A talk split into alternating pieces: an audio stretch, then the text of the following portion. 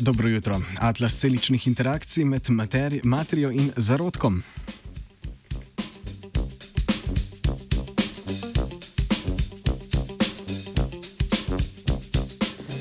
Skupina britanskih raziskovalk in raziskovalcev v reviji Nature poroča o raziskavi, v kateri so analizirali izražanje genov v celicah, ki se nahajajo na stiku med nosečnico in zarodkom.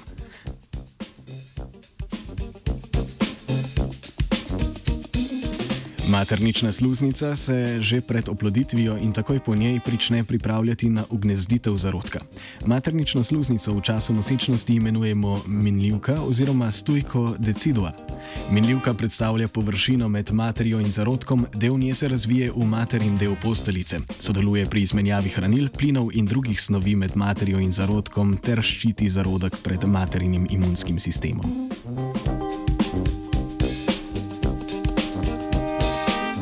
Eno, če ne pojasnenih vprašanj je, kako to, da materin imunski sistem tekom nosečnosti ne napade razvijajočega se plodu, se ta predstavlja tuje kot telesu matere.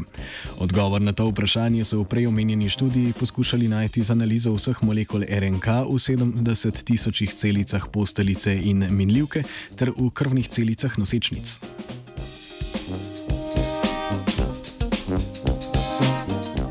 Vse celice v telesu imajo enako molekulo DNK, nosilko dednih informacij, vendar se v različnih celicah in tkivih izražajo različni odseki molekule DNK. Prav to naredi razliko med denimo uh, kožno in jedrno celico. Izražanje genetske informacije zapisane v molekuli DNK pa poteka prek molekul RNK, zato lahko z analizo molekul RNK ugotovimo, kateri geni se izražajo v posamezni celici.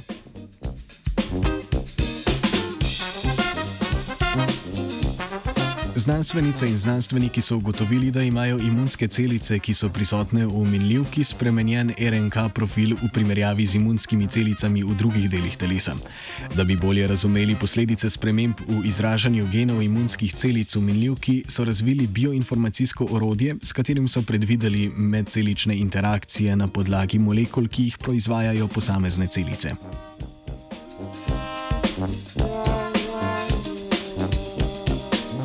Končni sledki njihove raziskave so, da se na stiku med materijo in zarodkom dogajajo edinstvene celične interakcije, ki preprečujejo, da bi imunske celice nosečnice napadle razvijajoče se, razvijajočega se otroka.